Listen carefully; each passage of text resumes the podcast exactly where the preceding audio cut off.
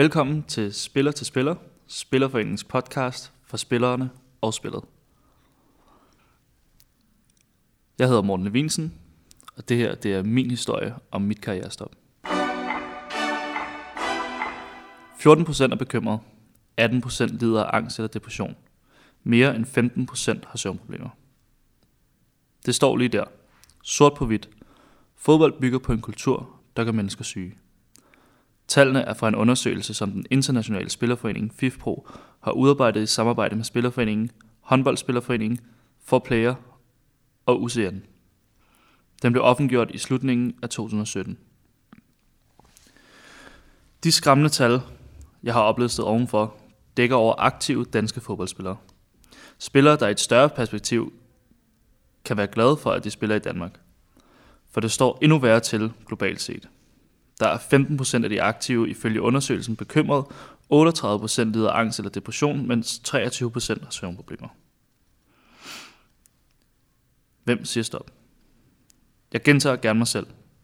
Hvis de her tal er sande, så bygger fodbold på en kultur, der som den er nu, gør mennesker syge. Det må da give stof til eftertanke hos andre end mig. Alligevel kan jeg ikke lade være med at spørge mig selv om, hvor er de mennesker, der siger stop. Tallene er opsigtsvækkende, men vækker de reelt opsigt? Ja, vi skal selvfølgelig få det bedste og de største talenter frem. Fremme vores fodbold og fremme underholdningen. Det er klart. Men når vi gør det, så må der også være en forpligtelse til, til at gribe, tage hånd og kære om de mennesker, hvad enten de bliver professionelle fodboldspillere, har indstillet deres karriere, eller ikke klarer kottet til ungdomsårene. Det må være muligt at få hele mennesker, og ikke syge mennesker igennem og ud af fodboldverdenen. Det må kunne lade sig gøre. Men vi har tydeligvis ikke fundet formen endnu. Og hvad værre er, så lader det ikke til, at det reelt bekymrer nogen. Der er i hvert fald ikke nogen, der råber højt nok endnu. Derimod tillader vi, at fodboldklubber henter børn, med streg under børn, med et løfte om, at børnene nu bliver excellent. Det vil være nemt at sige, at jeg har et ønske om at påvirke en spiller eller to med min historie. At jeg håber at kunne gøre en forskel for en enkelt spiller.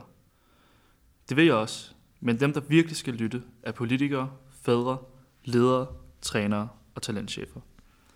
Det er dem, der, synes jeg, har noget at tænke over. Kig på tallene. Der er noget helt galt. Kan ikke være ham, der var fodboldspiller. Jeg er et produkt af systemet. Jeg er et produkt af elitefodboldens syge kultur. Misforstå mig ikke. Fodbold har udelukkende været et godt bekendtskab for mig. Det er vigtigt for mig at understrege. Jeg har spillet fodbold hele mit liv med alt, hvad det indebærer, og det har været pisse sjovt.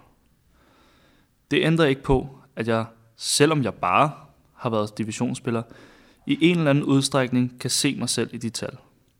En af de ting, der ligger til grund for den syge kultur, er tab af identitet. Og det har jeg også oplevet. Som så mange andre fodboldspillere, der lægger støvlerne på hylden, har jeg også oplevet udfordringen bagefter. Det der bagefter kom tidligt for mig. For kort tid siden, i en alder af 23 år, valgte jeg nemlig at indstille min karriere. Det var skræmmende. På den anden side af fodbolden gik det nemlig op for mig, at jeg ikke anede, hvem jeg var. Jeg vidste godt, hvem fodboldspilleren Morten var, men jeg anede ikke, hvem personen Morten var. Det blev jeg pludselig tvunget til at finde ud af. Jeg behøver selvfølgelig ikke at vide alt om, hvem jeg selv er som 23-årig. Men det er ikke desto mindre en voldsom oplevelse først at gå i gang med, med den proces i den alder. Fra jeg var 11 år, fik jeg fortalt, hvor jeg skulle være mandag, tirsdag, torsdag, fredag og lørdag. Hvad jeg skulle spise, hvem jeg måtte hænge ud sammen med, hvad mit mindset skulle være. Fra da jeg var, fra da jeg var 9 til jeg blev seniorspiller, var der vel et dusin trænere eller holdledere, der fortalte mig, hvad jeg skulle gøre, spise og tænke for at blive fodboldspiller. De udstak en retning og nogle klart definerede rammer for mig og de andre håbefulde drenge. Det betød, at der var utrolig mange ting, jeg som person ikke behøvede at gøre mig overvejelser om. Så længe jeg bare var fodboldspiller og holdt mig inden for de her rammer, så havde jeg min identitet. Så kunne jeg tage til familiefødselsdag og være velset. Jeg kunne tage til fester og være velset. Møde, møde svigerfamilien, tage i byen osv. Jeg behøvede ikke mere end det. Det var nok bare at sige, jeg er fodboldspiller, selv på mit trods alt beskedne niveau. Det havde den effekt, at da jeg stoppede med at spille fodbold, havde jeg en masse krav til, hvordan verden skulle se på mig, og hvordan jeg skulle se på mig selv.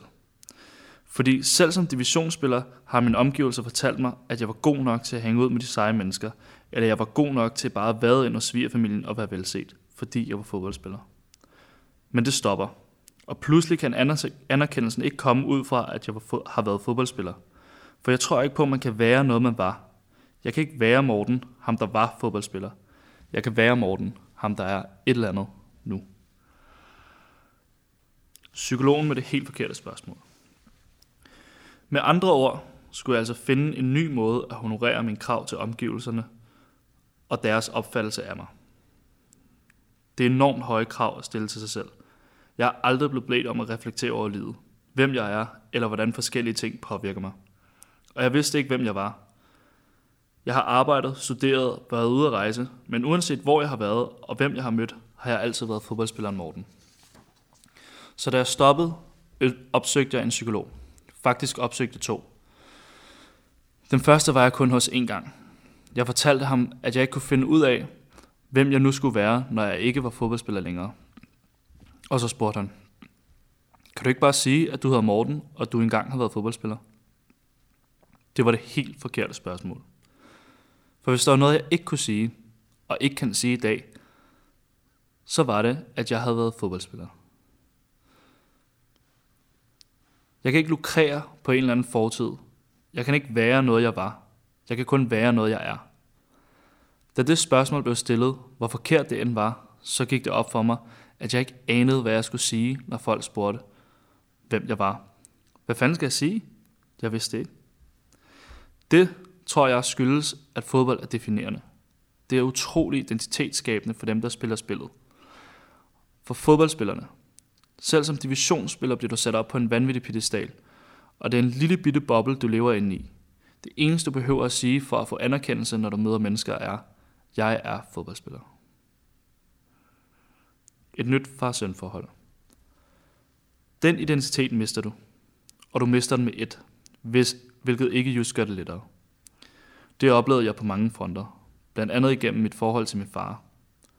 Jeg kan selvfølgelig kun tale for mig selv og mine egne oplevelser, men jeg forestiller mig, at der er mange spillere, der kan genkende et fars-søn-forhold, der i høj grad handler om fodbold. Sådan har mit forhold til min far altså været. Han har altid fulgt min fodboldkarriere tæt. Jeg tror, der er mange fædre og sønner, som har det på samme måde. Som har et forhold, der kun handler om fodbold. For drengene er helt øh, unge, står fædrene sikkert trofast på sidelinjen. På vej hjem i bilen er det eneste, der bliver snakket om fodbold. Det samme er tilfældet i bilen på vej til skole eller rundt om middagsbordet. I hvert fald når mor ikke er der. Sådan var det for mig. Så da jeg stoppede med at spille fodbold, skulle mit forhold til min far gennemarbejdes og redefineres. Og det har virkelig været svært. Nærmest akavet til tider. For der har ikke lige været en eller anden fodboldkamp, jeg har spillet, vi kunne snakke om. På et tidspunkt har min far sagt, hold kæft, jeg føler mig som en dårlig far. Han har jo godt kunnet se, at det eneste, han gik op i, var fodbold. Og det var det eneste, vores forhold handlede om. Men det stopper jo på et tidspunkt. Og det er det, der er med fodbold. Det stopper. Vi skal samme vej. Den tanke bringer mig til min pointe. At mennesket skal ses i fodboldverdenen.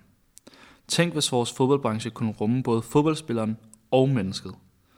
Det lærte jeg på den hårde måde, at den umiddelbart ikke kan, da jeg valgte at rejse til New York med min daværende kæreste, som lige havde mistet sin mor. Jeg missede én kamp. En fodboldkamp. Og det kostede mig mit job. Der er sjældent plads til mennesket og fodboldspilleren. Det er, som en oplevelse med min barndomsklub lærte mig, enten eller. Det tror jeg skyldes, at fodboldbranchen reproducerer sig selv. Spillerne bliver trænere, der bliver ledere. Samtidig er der regler for, hvordan man som spiller må opføre sig, hvad der er sjovt og hvad der er god stil. Og det bliver alt sammen reguleret af en bødekasse, der er på de fleste hold. Det er dybt indgroet i kulturen, som er svært at ændre. Men jeg vil gerne gøre et forsøg. For kulturen, som den er nu, avler syge mennesker. Det er et faktum. Bare kig på tallene. Og det gælder ikke kun fodboldspillere på topniveau, det gælder også for divisionsspillere. Dem vil jeg gerne være en stemme for. De spillere, som måske ikke kan se sig selv i Martin Jørgensen, Christian Poulsen og hvem der ellers udtaler sig om karrierestop og tab af identitet. Når man som divisionsspiller kigger på fodboldens Christian Poulsener, tænker man, at de kommer fra en helt anden verden. Det gør jeg i hvert fald. Vi har begge været fodboldspillere, men det føles som to forskellige verdener. Det er det nok også. Men vi skal ikke desto mindre samme sted hen. Fodbold stopper. Sådan er det bare. Og det gør det for alle, uanset hvilket niveau vi har spillet på. Hvis tilværelsen bare handler om fodbold, fodbold, fodbold, så er det der, man får et chok, når karrierestoppet kommer, og alle ens forhold ikke længere drejer sig om fodbold. Jeg vil gerne igen understrege, at fodbold udelukkende har været et godt bekendtskab for mig. Jeg har virkelig nyt at være fodboldspiller. Jeg har heldigvis også undgået depression, angst og søvnbesvær. Jeg vil dog alligevel ønske, at jeg havde stillet mig selv spørgsmålet. Hvem er jeg, når jeg ikke er fodboldspiller?